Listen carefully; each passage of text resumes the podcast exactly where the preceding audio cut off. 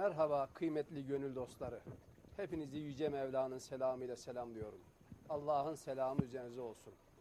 Bugünkü Ramazan Sohbetleri adlı programımızda dini sorularımıza saygıdeğer hocam doçent doktor Mehmet Okuyan'dan sorularımıza cevap alacağız.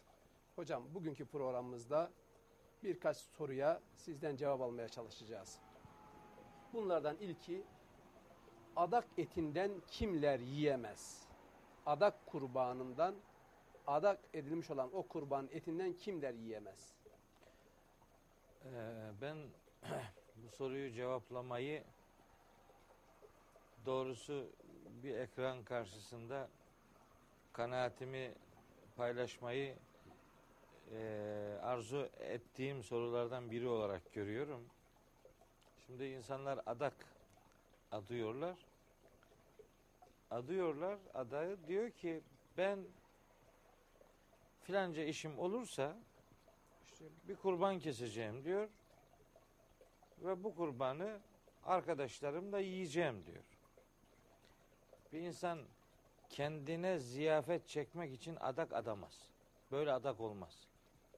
Eğer bir adak adandıysa o adak gariban insanların faydalanmasını, sebeplenmesini, gariban insanların sıkıntılı hallerinin bir çeşit onlar tarafından giderilmesini amaçlayan ekonomik bir yardımlaşma türü olarak kabul edilmelidir.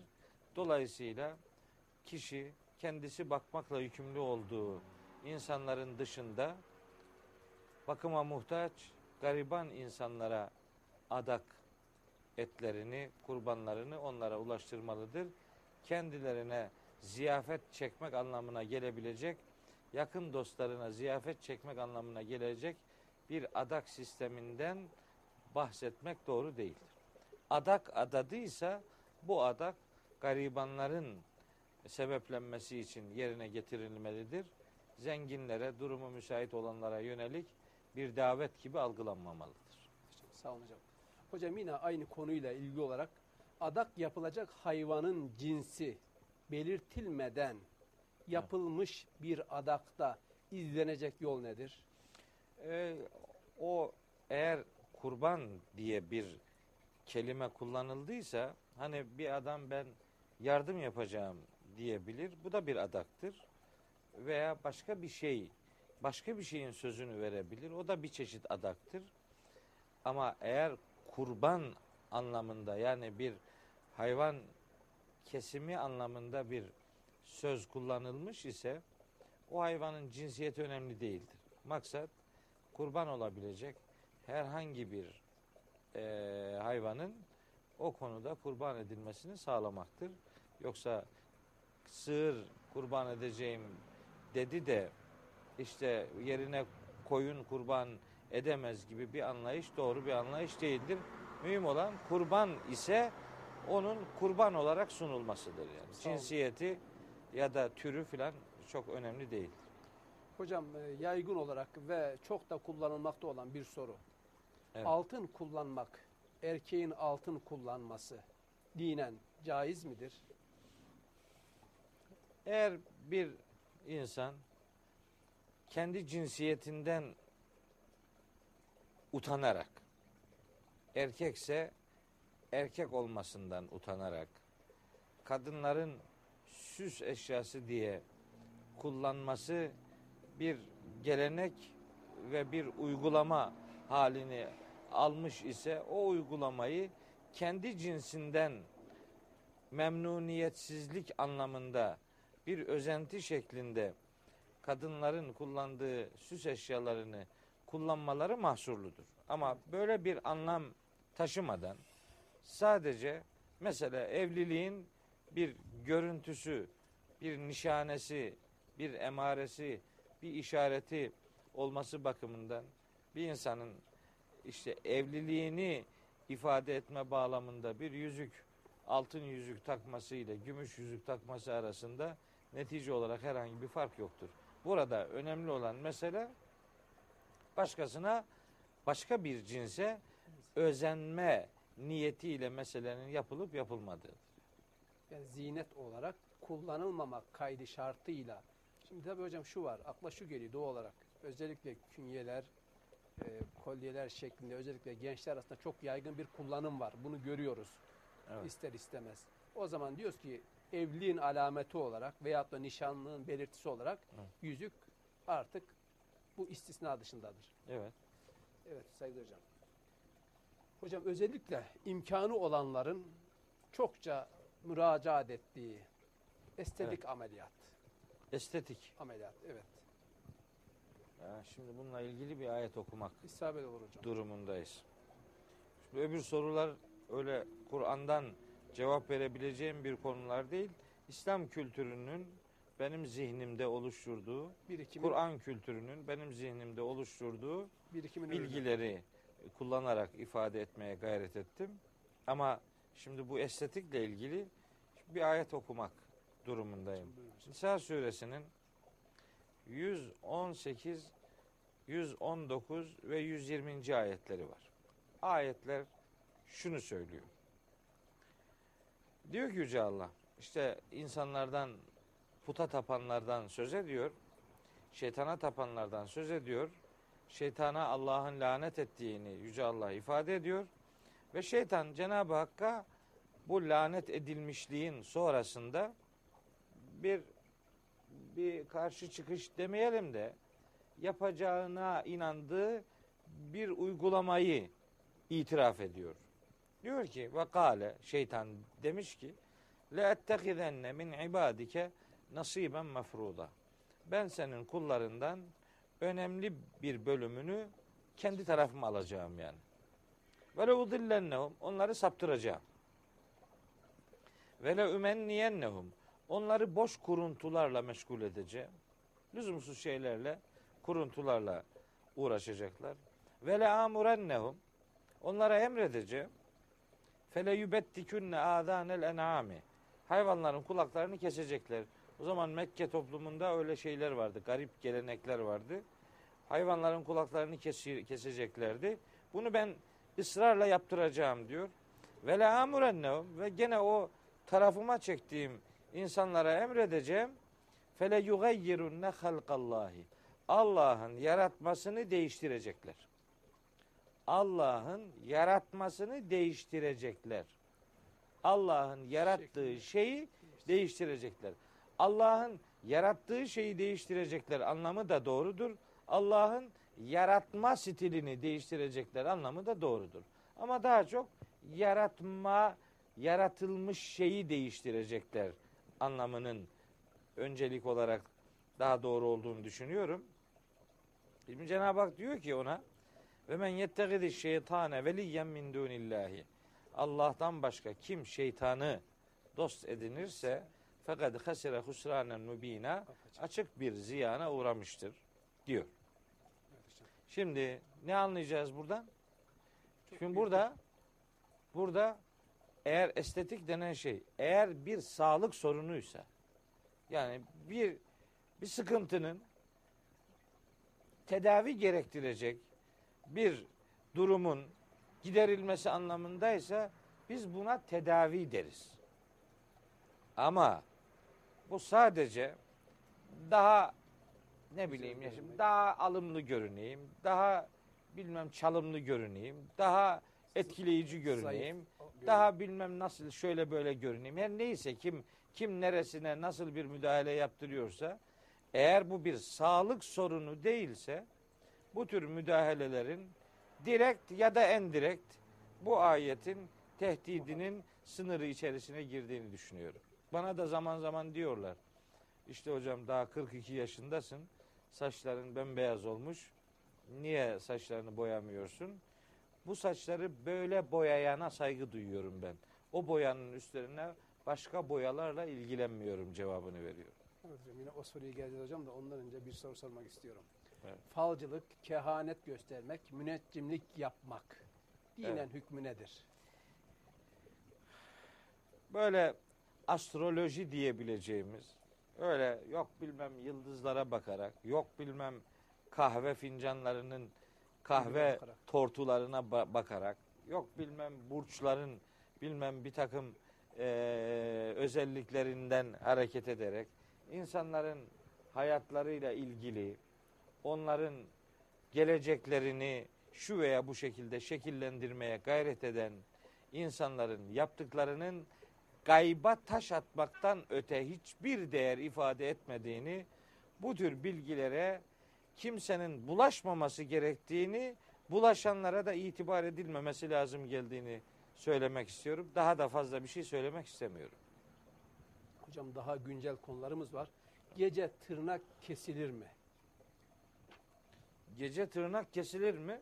Bu malum yaygın. bir- Geceye göre değişir Ahmet Bey. Gecesine göre değişir bu. Eğer ışık yoksa, eğer ortalık yeterince aydınlık değilse tırnağı keserken elini keser. elini kesebilir.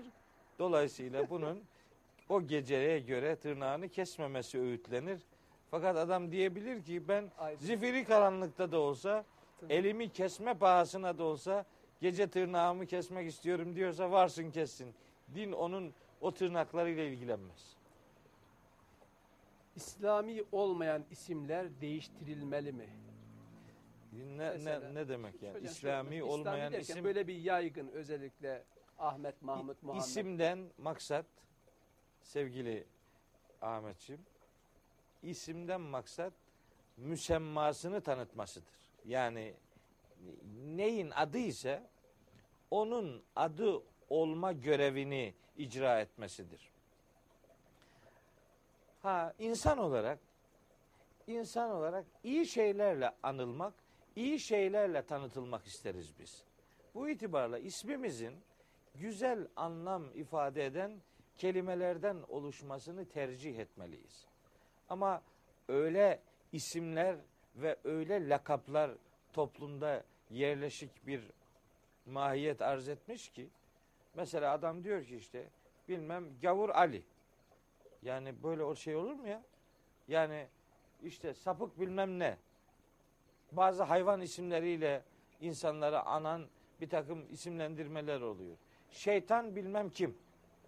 Yani bö- böyle böyle ilaveler hatalı olduğu gibi insan onuruyla, insan izzetiyle, insan şerefiyle, insan olmanın anlamıyla çelişik bir durum arz edecek isimlendirmelerden uzak durmak ve tersine iyi anlamlarla ha- halimizi, ismimizi şekillendirecek tercihlerde bulunmak doğru olur.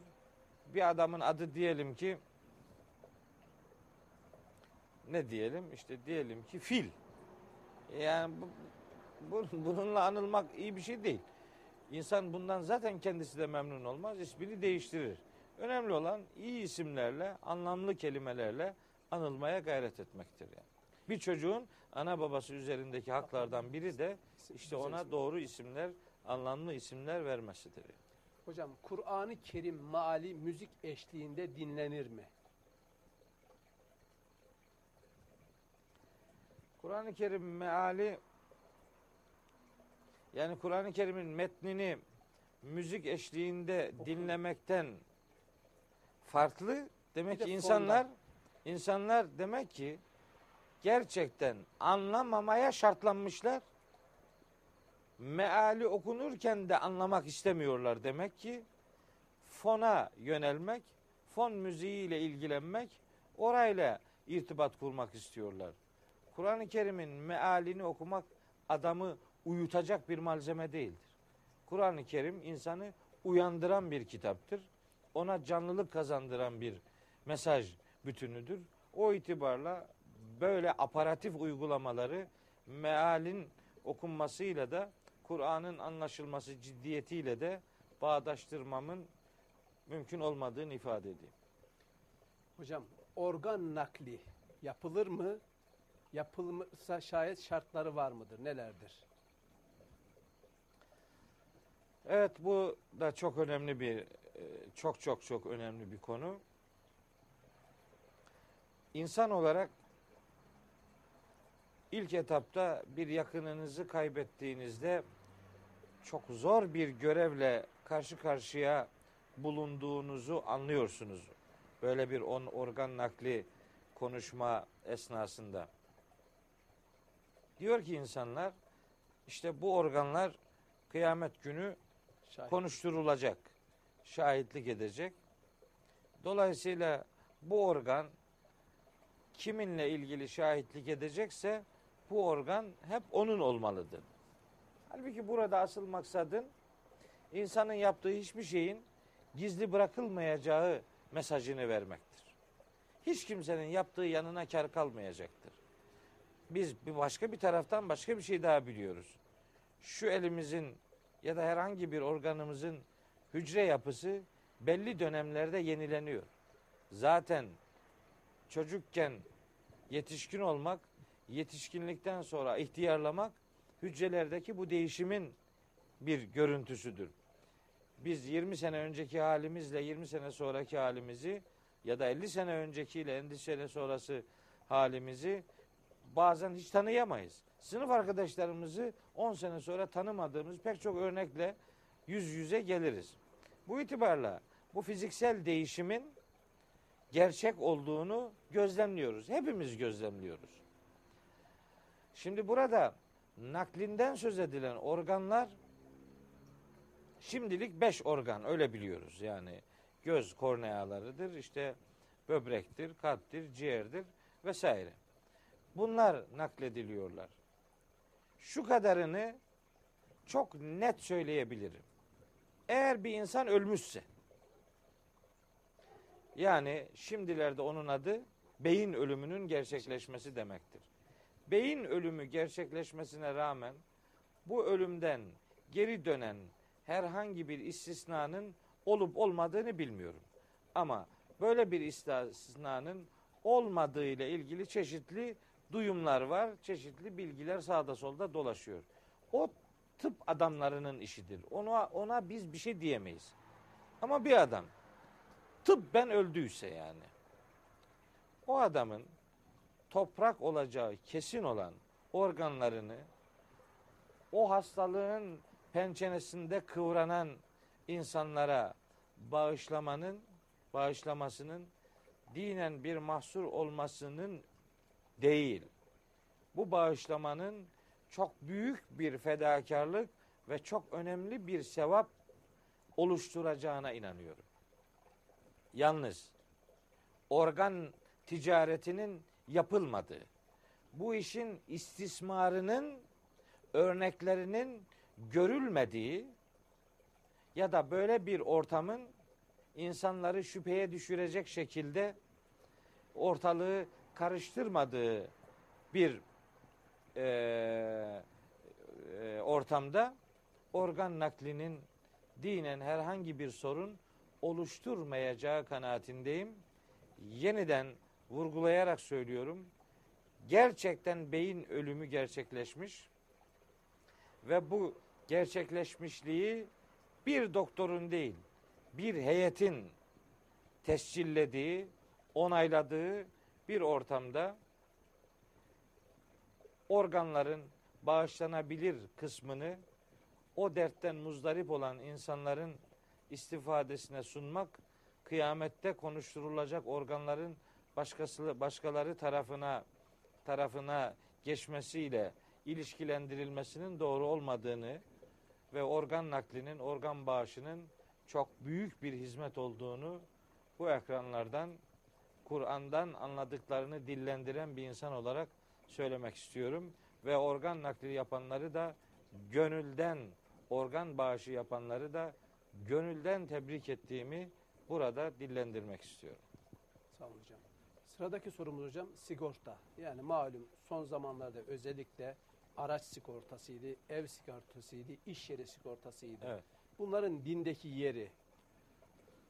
Tabi bu yeni bir konu. Evet. Yani e, yeni bir konu dediğim işte Kur'an-ı Kerim'in kullandığı kelimeler arasında böyle bir bu anlamı verebilecek herhangi bir kullanım yok. Bu artık sosyal bir olay. Bu bir ekonomik yardımlaşma anlamında değerlendirilebilecek bir yardımlaşma kurumu ve Diyanet İşleri Başkanlığı'nın da bu konuda İslam hukuku alanında araştırma yapan e, meslektaşlarımızın da ortak kanaati odur ki sigorta, ev sigortası, araba sigortası gibi sigortacılık bir yardımlaşma kurumudur. Bu kurumun e, insanlar tarafından e, canlı tutulmasında herhangi bir mahsur yoktur. Bu öyle bir piyango gibi, öyle işte kumar gibi, şans oyunu gibi şöyle öyle bir tarafı olan bir e, yapı yoktur burada. Burada insanlar yeter ki başıma bir iş gelmesin, bir başkasının başına bir iş geldiğinde verdiğim para helal hoş olsun diye gönülden yaptıkları bir yardımlaşma e, örneği olduğunu düşünüyorum. Sigortanın bu anlamda bir sıkıntı oluşturacak yapısı olmadığı kanaatim var. Teşekkür ederiz hocam. Hocam bir de tüp bebek konusu var malum. Ailelerin zaman zaman çocuğu olmayan aileler karşılaşmak, e, değişik gerekçelerle, değişik tabii sıkıntılarla bu yola müracaat ediliyor. Evet. E, Bu konuda tüp bebek konusunda Evet Ne o dersiniz? tüp bebekle ilgili de Allah'ın yarattığını değiştirme ayetini okumuştum ya. Evet. Nisa suresi 118-119'da. O ayeti Allah'ın yaratmasını değiştirenler diye anlayanlar tüp bebekle ilgili uygulamaya biraz mesafeli duruyorlar.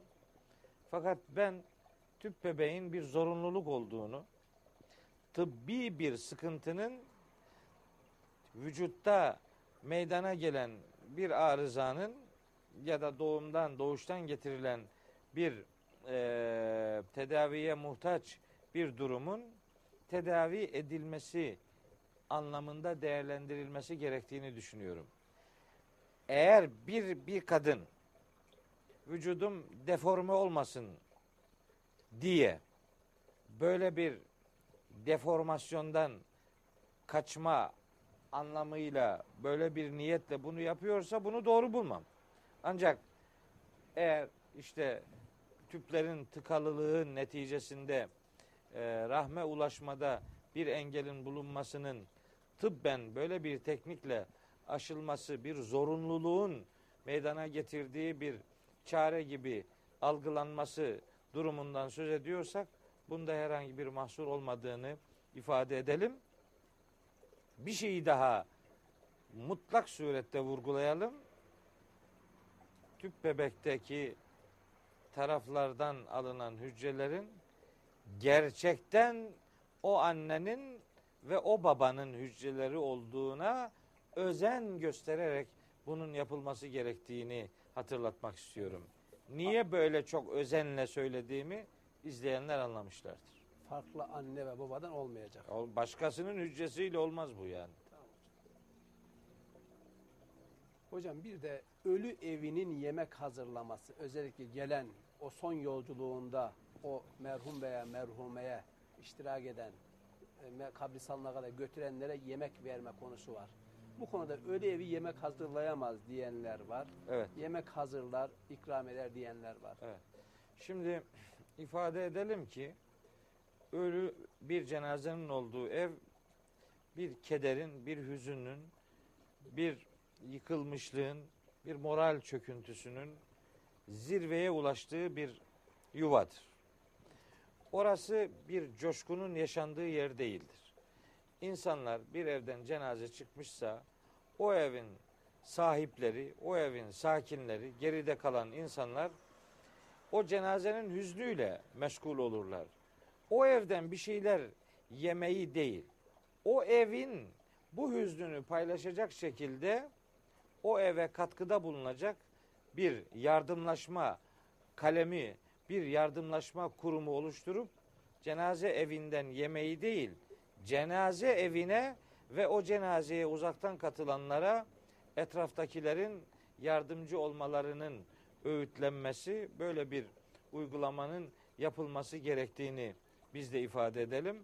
Ama bir adam ben cenaze verdim ama çok da hüzünlü değilim. Gelen misafirlerimi ağırlayabilirim derse din onun öyle bir uygulamasına da herhangi bir rezerv koymaz. Fakat genelde bilinen odur ki ölüm insanlara hüzün veren, geridekileri derinden etkileyen bir olaydır. Onların yakınlarına da bizim etrafta bulunanların sahip çıkması, yardımcı olmaları dinin sosyolojik eee, çözümlerinden biridir diye bunu ifade edelim. Hocam Müslüman bir kadın ehli kitap veya e, Allah inancı dışında yani Allah'a inanmayan bir erkekle evlenmesi söz konusu mudur? Evlenebilir mi? Müslüman bir kadın ehli kitap veya inancı olmayan diyelim ateist biriyle. Evet. Zor bir soru. Soru zor değil de yani cevabı zor. Niye zor? Şimdi genelde bilinen şu. Müslüman bir erkek ehli kitaptan bir bayanla evlenebilir. Evlenebilir. Bunda zaten sorun yok. Ayet var bununla ilgili çok net bir şekilde. İslam alimleri bu ayette Müslüman erkek ehli kitaptan bir bayanla evlenebiliyorsa bunun tersi de olabilir kanaatini izhar ediyorlar ama büyük çoğunluk bunun olamayacağını düşünüyorlar. İnançsız ise taraflardan herhangi biri ehli kitap değil de inançsızsa ya Allah inancı Müşrik yoksa ateist. ateist ise, müşrik ise onlarla evlenilmemesi gereği Kur'an'da sabittir. Hangi taraf olursa olsun yani ister kadın, kadın fark e, etmez. fark etmez.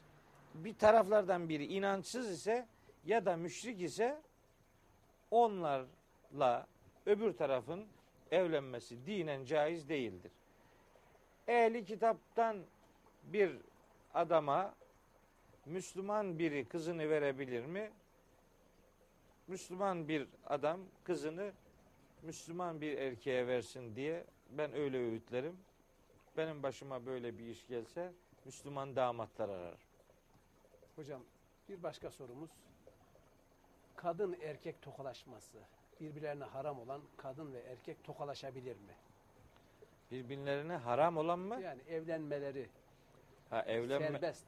ha, evlenmeleri birbirlerine helal olan yani. Evet. Evlenmeleri helal olanlar birbirleriyle tokalaşabilir mi? İnsan ilişkilerinde iki tane insan herhangi bir cinsel dürtü olmadan, herhangi bir şehevi tahrik olmadan bir kurumda çalışan bir erkekle bir kadının, bir misafirlikte bir erkekle bir kadının elini bir başkasının e, elini tutmasının öyle ağır ifadelerle nitelendirilebilecek şekilde büyük tahribatlar üretecek bir yanlışlık olduğunu düşünmüyorum. Yani insanlar birbirleriyle e, tokalaşma, tokalaşma bir de musafaha var. Evet. Böyle yani tokalaşmak başka bir şeydir. Böyle musafaha gibi e, davranmak başka bir şeydir Zaman uzuyor. tokalaşmanın böyle yani bir anlık, bir saniyelik, iki saniyelik tokalaşmanın öyle zannedildiği gibi zina kelimeleriyle ifade edilen abartılara müsait olmadığını düşünüyorum. Hocam, Sosyal ilişkiler insanların birbirleriyle bu anlamda tokalaşmasını eğer zorunlu kılıyorsa bunu öyle ağır ifadelerle nitelendirmek doğru değildir. hocam bir başka sorumuz. Evlen evlat edinmenin dindeki yeri nedir? Çok övgüle, övgüyle bahsedebileceğimiz bir kurumdur.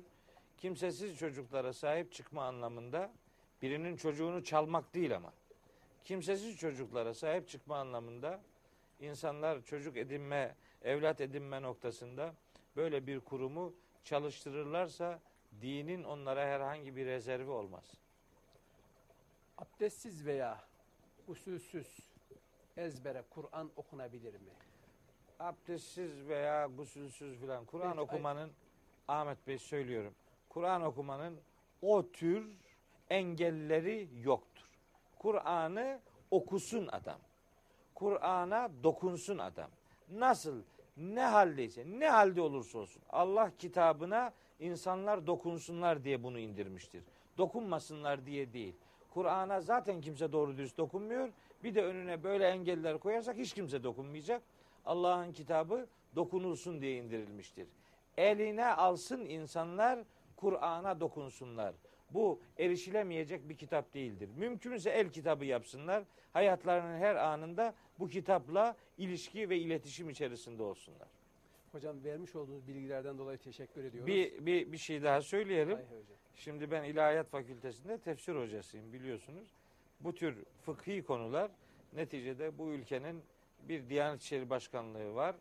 Ee, ta ilçelerde, bütün ilçelerde müftülüklerimiz var. İllerde müftülüklerimiz var. Ee, Diyanet İşleri Başkanlığı'nın bu sorulara ve benzer sorulara e, yeterli diyebileceğimiz düzeyde verdikleri cevaplar var. O cevapları o kurumun cevaplandırması noktasında daha bir öncelik ortaya konulmasının e, önemli olduğunu ifade ediyorum. Meslektaşlarıma karşı da saygısızlık yapmak istemiyorum. E, o böyle meselelerde insanlar Diyanet İşleri Başkanlığı'nın bu fetva dairesine Din İşleri Yüksek Kurulu'nun e, görüşlerine itibar edecek şekilde oraya yönlenmelerini onlara salık veriyorum. Onlara tavsiye ediyorum. Onların ehliyetli ve çalışmaları devam ettiren arkadaşlar olduğunu biliyorum. Hocam teşekkür ediyoruz. Ederim. Kıymetli izleyiciler bir sonraki Ramazan sohbetleri programında buluşmak dileğiyle. Hoşçakalın.